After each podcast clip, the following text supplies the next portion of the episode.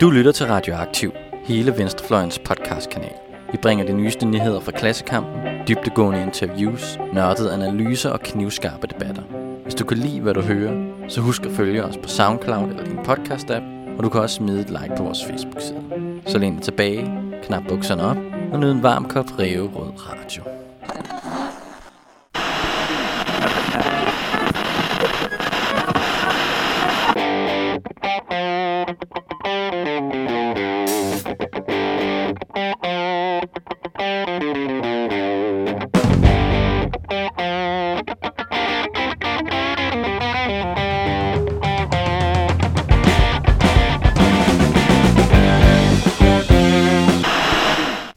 Goddag og velkommen til Omklædningsrummet, Radioaktivs kulturkritiske sportspodcast. Jeg hedder Jonas Neivelt, og jeg er med til at tage igennem dette afsnit, hvor vi skal snakke om Tour de France. Og det er du sammen med mig, Simon. Og- Jeg skal også tale Tour de France med dig. Ja, men det er som om, der mangler en, og det er Benjamin. Han er i USA og lave et eller andet. Vi er ikke helt sikre på, hvad det er, men øh, Benjamin er trods alt Han er ikke blandt os. Han er ikke blandt os, øh, men han er, han er undskyldt, øh, hvis han kommer med en god forklaring øh, på sit fravær. Ja, men sagen er jo i hvert fald, at vi kører den to mand høj i dag. Og det er sommer, det er godt vejr, det har været mange måneder. Så det bliver en lidt, øh, lidt kortere, kortere udgave. Vi har lige begge to taget en øh, hård stigning op ad Bellerhøjvej på vejen, og jeg vil sige, det kunne mærkes på øh, energiniveauet, men øh, vi skal nok gøre det godt for jer alligevel, og for os selv ikke mindst. Øh, men siden øh, vi sidst snakkede, der snakkede vi om VM i vores sidste afsnit, VM i fodbold, og øh, det er i mellemtiden slut. Øh, hvordan gik det, Simon? Ja, det gik jo hverken værre eller bedre, end at øh, Kroatien var den store overraskelse, der mast sig vej til finalen mod et øh, mindre overraskende hold i Frankrig, som også var det hold, der endte med at løbe af med sejren. Jeg kom til at klippe noget ud sidste gang, hvor vi gættede på, hvem der ville vinde VM. Øh, og der havde jeg faktisk kaldt Frankrig, så det er, det er nemt at sige nu, men den er, den er Ja. faktisk god nok. Ja, det er meget, meget smukt. Men øh, ja, skal vi ikke sige, at det var en, øh, øh, en god slutrunde, synes jeg, til og med i Putins Rusland. Og vi kan se frem til, at det er den sidste gode VM-slutrunde, vi får at se. Fordi fra næste gang, så er det i Katar. Det bliver et cirkus, hvor de leger med ideen om allerede at lade 48 hold være med, og man kan se i slutrunder, at når der er for mange hold med, så bliver spillet dårligere. Så øh, det var hyggeligt at nå at være med til også at kunne se nogle gode VM-slutrunder. Det Vi regner med, at dø unge kan høre på dig hele, inden de får styr på det igen. Men det er fint. Det var et godt VM, og Danmark kom også længere, end man turde håbe på måske endda, og var tæt på øh, faktisk slå Kroatien ud jo. Ja, det var vi. Vi brændte endnu flere straffespark, end kroaterne gjorde. Så sådan kan det ikke gå. Hvordan gik det med Iran, som vi jo kom frem til var vores favoritter? Ja, øh, jeg fulgte jo nøje med, øh, og det gik, øh, jeg tror de fik en uafgjort i en af kampene. De var vist nok lige ved at gå videre og slå Portugal ud, men så slog de ikke Portugal ud alligevel. Nej, det ville også være både Spanien og Portugal, der var i den pulje. Så Ja. I øvrigt måske den bedste kamp i slutrunden Spanien mod Portugal, som Ja, vi også så, der er en så. 3-3. Ja, det er faktisk rigtigt. Men nok om det. Øh, Vi skal, vi skal snakke om noget, som vi har set på i dag. Vi, øh, vi har set Tour de France. Vi har set øh, årets 17. etape i Tour de France. En kort en af slagsen, en eksplosiv bjergetape på kun 65 km, som er sådan en distance, man tidligere kørte enkeltstart på, men øh, i dag der øh, foregik det gengæld over tre ret modbydelige bjerge i de franske Pyrenæer, så der var lagt op til et festfyrværkeri fra begyndelsen af af udbrud, fordi folk var jo ikke trætte i begyndelsen, så de kunne bare angribe, som de nu havde lyst til. Ja. Hvordan gik det så, Simon? Det var en relativt kedelig etape. Favoritterne ventede til sidste bjerg med at slå det store slag. Quintana vandt etappen og var den, der kørte mest aggressivt, og Froome mistede lidt tid, og øh, Durant Thomas viste, at øh, han nok kommer til at køre den her øh, Tour de France hjem. Ja, Geraint Thomas, det er jo sådan en lidt ny mand på scenen, som tidligere har været hjælperytter for, øh, for Team Sky og øh, den hidtidige turkongen på Team Sky, Chris Froome. Men nu lader det altså til, at han træder ud af mesterens skygge og selv kommer til at vinde. Og jeg, jeg, jeg er jo personligt ret glad for Chris Froome, har jeg altid været, selvom mange er kritiske over for ham, men jeg kan nu også godt se, at Geraint Thomas har noget, især det her sorte, kulsorte hår, det er jo nærmest som om, der er skosværte i indenunder. Han ligner en, en rigtig britisk rockmusiker fra 80'erne, en Johnny Marr-type, det synes jeg, det, det, det bringer en æstetik ind i det, som det, jeg... Det, det gør, det okay, at uh, han lige kan, lige kan tage den for Froome. Altså, han er jo også en rytter, der har vundet før. Når man har taget uh, Bayern rundt ikke, i Tyskland, så er man heller ikke uh, jo, ingenting men, værd. Jo, han har vundet nogle, uh, nogle cykelløb tidligere, blandt andet uh, Bayern rundt. Men man kan jo sige om den her etape i Tour de France, jeg synes ikke, den var lige så kedelig, som Simon synes, men der var lagt op til, at man skulle have det her helt store show. Og det var det nok ikke. Det udfoldede sig som øh, mange andre bjergetapper med, at der kører et udbrud, og så kører favoritterne til den samlede sejr på det sidste bjerg, hvor de tør udfordre hinanden, uden at der sker de helt store tidstab. Men det, der har været særligt ved den her etape, udover, udover distancen, som de jo har brugt rigtig meget tid på, både de danske kommentatorer taler op, og man kan se, at turarrangørerne selv ved at sådan lave en særlig gridded start, som man kender det fra motorsport, hvor det er, at man starter alt efter, hvor man ligger i klassementet, er lavet i en eller anden forhåbning om, at de angriber fra første tråd, som er op på det første kategori bjerg det var måske lidt overgjort, og både sådan en udtalt hype for kommentatorer, og sådan lidt en struktureret hype i, hvordan etappen har været sat op. Ja, det den der start faldt ret hurtigt til jorden, efter de begyndte, som de nu ellers ville gøre. Men nok om det. Men hvorfor, hvorfor ser vi så det øh, show, eller måske endda mangel på samme? Altså, jeg synes, det, der var der masser af festfyrværkeri, men når det først sker til allersidst, og man havde håbet på noget andet, hvorfor, hvorfor er det så det? Man får at se, Simon? Jeg tror, at man stadigvæk går og har forventning om, at det kan ske, og vi er jo i hvert fald nogen, der er vokset op med at have set de her helt aggressive, vilde øh, rit, og set Lance Armstrong angribe fra tidligt bjerg, og set øh, udfordre og angribe for tidligt for at hente tid, ikke? Jeg tror, at de der, de der forestillinger om de her helt vilde udviklinger, de ligger, de ligger ret, ret dybt i os, der er sådan, er, er cykelfans ja. har været det. Ja, man vil jo gerne se det. Man vil gerne se det helt store, og det måske det er det, der gør det så specielt, når man, når man trods alt ser det, som man så uh, Chris Froome gøre på den øh, 19. etape i årets Giro d'Italia, hvor han kører fra 80 km ude, og ikke venter til de sidste 5 km, som de helt store favoritter gjorde i dag med at prøve at udfordre hinanden. Det er måske det, der lidt gør sig gældende her. Men der er måske også øh, et par andre faktorer, der gør sig gældende, og en af dem, det er jo, det skal vi ikke komme alt for meget ind på, fordi det har vi allerede gjort i vores snak om forårsklassikerne i et af vores tidligere programmer, men det er jo det her med øh, doping, som man snakker så meget om, når man snakker cykelsport. Jeg synes jo, at et tegn på, at feltet måske er renere, end det har været, det er, at man ikke ser de her helt vilde kraftudladninger så mange gange, som man så Lance Armstrong gøre. Han smadrer modstanden dag efter dag. Det gør man ikke dag efter dag i Tour de France. Nej, og man så også, øh, man så jo også, hvad skal man sige, udfordrende forsøg at tage tid, og forsøge at tage tid tidligere, og mange forskellige typer udfordringer, og man så hold, der bare havde nogle, nogle bjerggeder, der på enkelte etapper kunne gøre vanvittige ting, og kunne følge med favoritterne, og også nogle gange køre fra dem. De der elementer, synes jeg, man, man ser, ser mm. mindre af, og det er jeg ind i, det tyder måske på, at uh, dopingen er blevet mindre markant. Det kan jo være, at der også er en anden dynamik på spil her. Og det kan jo være, at det er rytterne, der bestemmer, hvordan vi laver løbet. Arrangørerne kan lægge op til rigtig meget.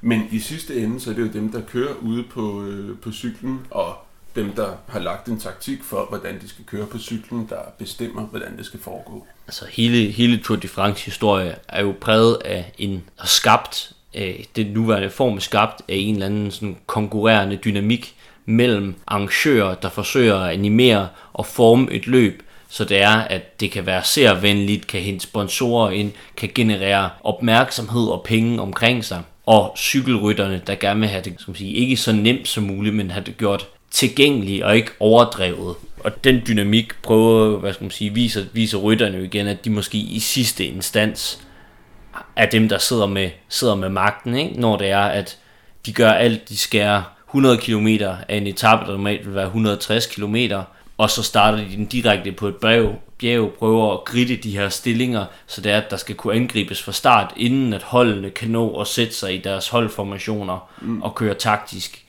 Ja, altså man har set det tidligere i Giro Italia, der havde en uh, lidt kontroversiel løbsdirektør i 2010 og 2011, hvor han uh, i til begge løb formåede at uh, hente de allerstørste, eller ikke hente de allerstørste, at få alle Italiens største bjergpas ind i de her løb. Det var helt vanvittige ruter. Men det gjorde bare ikke, at cykelløbet blev godt. Det betød, at der ikke var nogen, der turde køre, som han nok gerne ville have, at de gjorde, øh, for at skabe et, øh, et godt show for, for tilskuerne. Fordi de var bange for at gå ned, når de skulle over alle landets største bjerge. Og det, og det synes jeg, det er det samme, man ikke? Altså, de kan smide lige så mange uden for kategori og kategori 1 pas ind tidligt på lange etapper. Favoritterne annullerer altså løbet ind til det sidste bjerg, og gerne de sidste 5 kilometer. Mm. Men det, den udvikling tyder måske også på noget andet. Det tyder på, at øh, niveauet i virkeligheden er højere, end det har været i rigtig lang tid. Og det er det blevet i form af, at der også er kommet flere penge ind i cykelsporten, og holdene derfor har råd til at betale nogle flere penge til nogle flere ryttere, fordi traditionelt set så var cykelsport virkelig ikke en sport, man blev rig af. Altså, nej, det var den yderste top elite, der blev rigtig rige, og så var der alle vandbærerne, som skulle gøre igennem nogle umådelige fysiske pinsler, og kun have funktioner i et cykelløb, mere end, hvad skal man sige, selv kunne køre for glory. Eller? Ja, men man kan sige, at nu så øh, er alle rytterne på et sådan niveau, i hvert fald de fleste af dem, dem der har de roller, er på sådan et niveau, at de kan lægge et pres bagfra fra feltet, der gør, at man ikke kan slippe afsted i det her helt store soloudbrud. I hvert fald ikke særlig tit, som vi ellers så gerne vil se. Men det gør vi ikke. Og det er et tegn på, at rytterne måske er mere menneskelige, men det er også et tegn på, at rytterne simpelthen er bedre. Og det bringer os over til øh, en anden pointe, man kan have, når man snakker cykelløb i dag. Og det er sådan, at cykelløb forekommer jo som en individuel sportsgren. Der er trods alt kun én rytter oven på hver cykel. Man har endnu ikke set uh, Tour de France i, i tandem eller uh, cykeltaxa, selvom det der kunne være spændende nok ikke særlig seværdigt desuden. Men det er samtidig en holdsport, og det er en meget spændende dynamik, der er der, fordi når øh, det britiske Team Sky, der har vundet rigtig meget de seneste år, når de sidder så tungt på flæsket, så er det fordi, dels de har flere penge, men de her penge gør også, at de kan samle et meget stærkere hold, og derfor bliver det en holdpræstation, der sørger for, at det indtil nu har været Chris Froome især, men nu vores allesammens yndlingsgitarrist fra et britisk rockband, Geraint Thomas, der er ved at vinde Tour de France. Og det, det er holdet, der gør det. Men til sidst så er der kun en, der står øverst på podiet. Hvis jeg først skal uddybe mere på din, din første point, så er det jo det der med, at det at være en leder er også blevet en helt specifik ting, når de andre funktioner på holdet er blevet en helt specifik ting. Det som Jaron Thomas og Froome skal kunne, det er at kunne sidde de sidste 5-10 kilometer alene og svare på de andre lederes angreb, og eventuelt, som Geraint Thomas har gjort rigtig meget, så bare køre på de sidste 500 meter, Mm, yeah. og tage et par sekunder der, Ja. og forsvare sit uh, føring og udbygge den stille og roligt. Alt forarbejdet ligger i holdet, der hiver dem igennem og beskytter dem igennem de første 200 km en etape, ikke? Ja, men på den anden side, så er det ikke noget helt nyt fænomen. Det her. Overhovedet ikke. Vi har med uh, Team Sky, som ellers er meget kritiseret for det. Folk snakker om, at de ødelægger cykelsporten. Men den diskussion har stået på i rigtig mange år. Jeg begyndte at se Tour de France som, uh, som barn i løbet af 90'erne, midt i 90'erne, hvor det var øh, Banesto-holdet, der sad på sagerne med Miguel Indurain i spidsen. Og det de gjorde, det var, at de satte et et skarpt tempo på alle bjergetapper, så der ikke var særlig mange favoritter, der kunne slippe alt for meget sted. Og så var Miguel Indurain sådan et monster på enkeltstarterne, at han tog et par minutter på de andre, og så vandt han ellers der. Miguel Indurain har aldrig vundet en bjergetappe i Tour de France, men han har vundet fem Tour de France i træk. Det er fandme, det er fandme vildt. Men det, der også er vigtigt at se på, der er anderledes, og også anderledes ved en, det gamle Banesto-mandskab, der så hedder Movistar i dag, og jeg, jeg kan ikke lide, at de har nogle andre farver end gode gamle Banesto. De der lyseblå, det, det, det klæder ikke et hold, der Jamen, har det- det- Banesto det gør det ikke. oprindelse. Mm.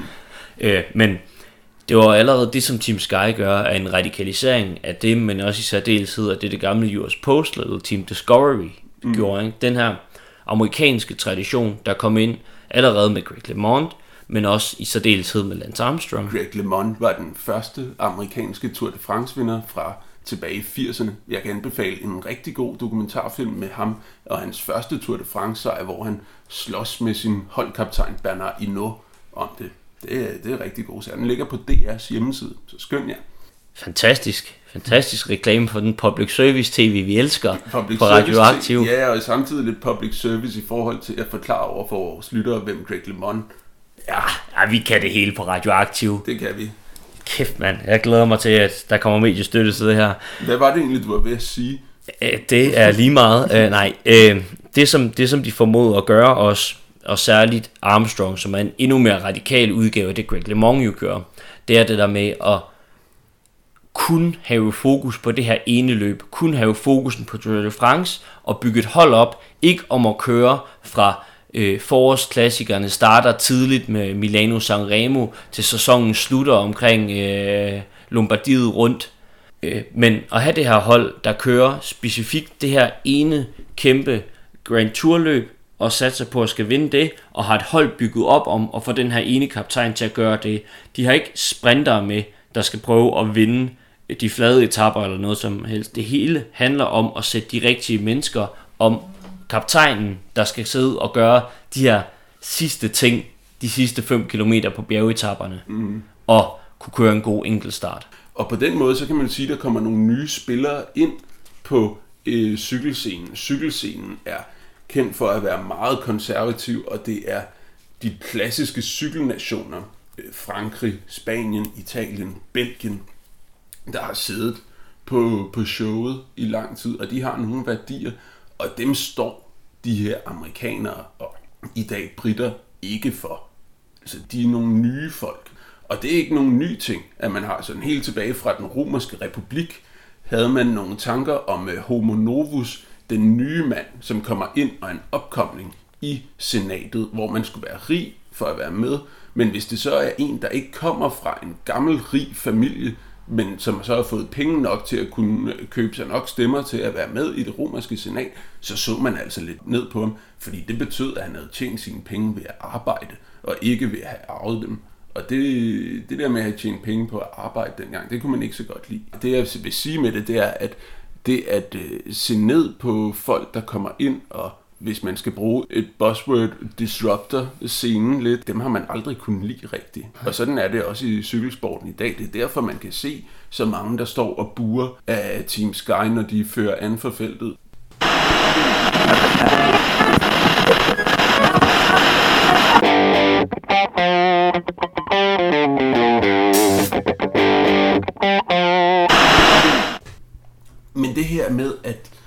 Holdet har så dominerende en position, at der er et hold, der kan lægge det så meget i et jerngreb, ødelægger det lidt den æstetik, man måske også forbinder med cykelsporten. Ja, og her, her taler vi jo i virkeligheden om en spænding mellem det kontrollerede og det ukontrollerede, ikke? Mm. Det vi som seere drømmer om at se, og det som etappen i dag er et udtryk for, at man som arrangør prøver at animere, det er, at vi vil have det vilde, det sprudlende, det ukontrollerede.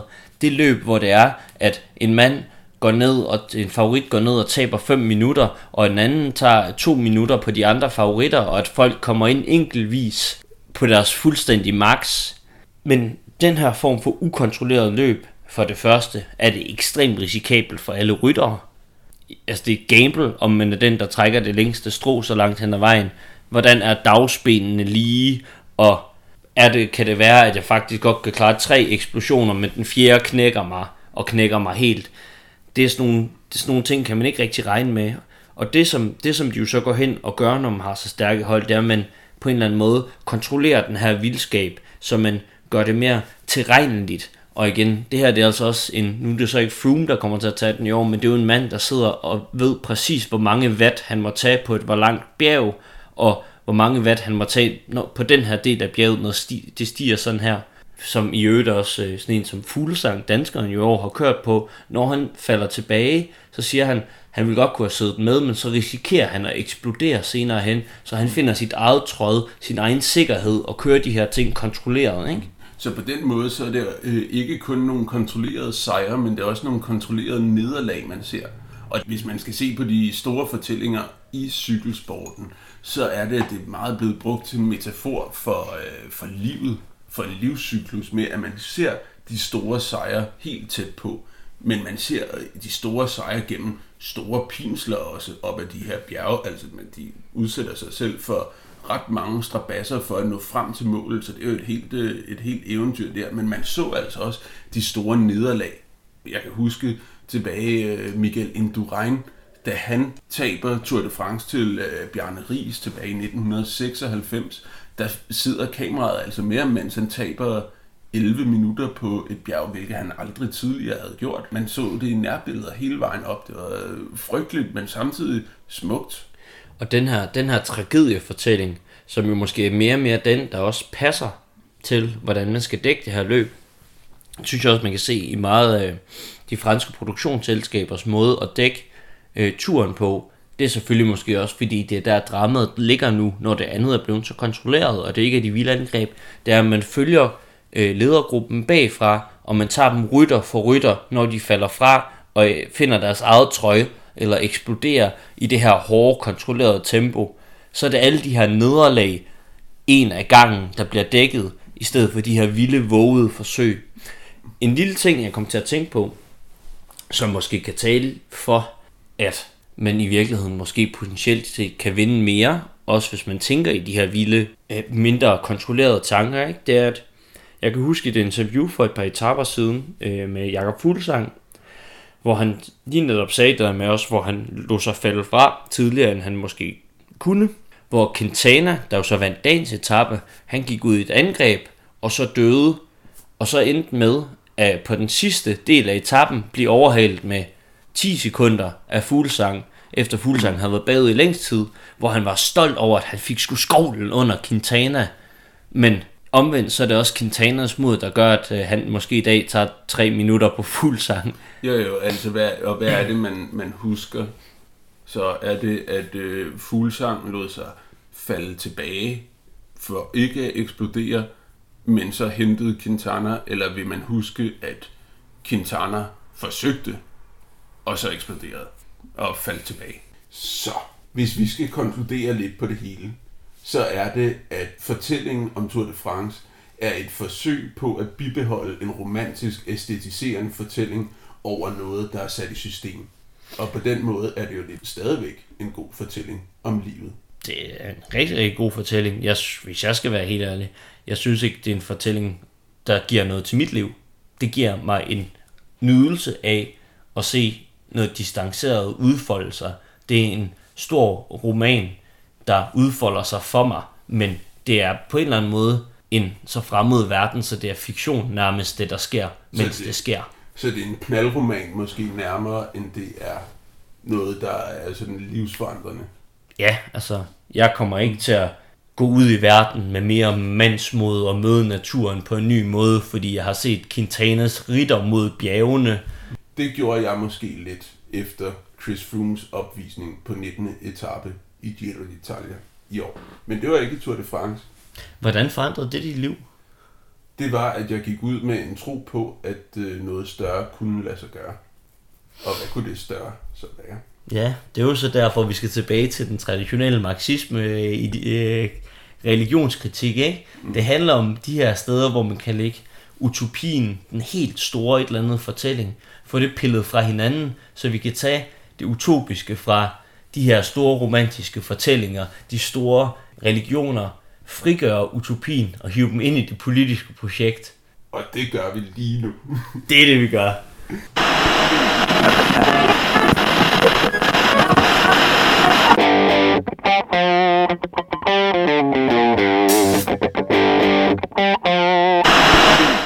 Nu har vi øh, snakket lidt om Tour de France, og som om det er en øh, selvskreven ting, at Jørgen Thomas kommer til at vinde i Paris den 29. juli på søndag, hvor det her meget gerne skulle ligge til at blive lyttet til. Der kan jo nå at ske noget. Der er både en bjergetappe i overmorgen, eller i forgårs fredag, og der er en enkelt start lørdag. Der kan ske nogle ting, men som de sportseksperter vi er, jeg forudså jo for eksempel, at Frankrig ville vinde VM. Jeg medgiver, der gæt- findes så, så nok- gætter vi på, at Jørgen Thomas vinder, men øh, der kan jo ske ting. Og vi undskylder, hvis det ikke er tilfældet. Men det er ikke vores skyld i så fald. Og jeg vil gerne, hvis lytterne betvivler ægtheden i, at øh, Jonas rent faktisk havde forudsagt, at Frankrig ville vinde det hele, så kan vi godt finde råbåndet, det lille stykke, hvor du siger Frankrig, hvis det er, at lytterne stormer os med meddelelser omkring, at de vil, de vil se beviset for, at det ikke er bare noget, du finder på. det kan vi godt. Det er der et sted. Vi håber, I har nyt denne lille sommerudgave af Radioaktiv Sportspodcast Omklædningsrummet. Vi er tilbage om en måneds tid. Men øh, inden vi slutter helt af, vil vi gerne lade de sidste ord komme til et stort forbillede af os. Jeg læser lige her slutligt et citat op, der måske meget godt binder vores holdning op til, hvordan vi ser Tour de France. Jeg siger til jer folk, som ikke tror på cykling, kynikerne og skeptikerne, jeg er ked af det på jeres vegne. Jeg er ked af, at I ikke kan drømme stort. Jeg er ked af, at I ikke kan tro på mirakler. Det her er et fantastisk race. Det er en stor sportsbegivenhed, og du burde være der og tro på det. Du burde tro på atleterne, og du burde tro på de her mennesker. Jeg vil være en fan af Tour de France, så længe jeg lever. Og der er ingen hemmeligheder. Det er en hård sportsbegivenhed, og hårdt arbejde vinder det. Vi vil lade Tour. Så med disse ord vil vi lade Lance Armstrong afslutte denne episode af omklædningsrummet. Vi ses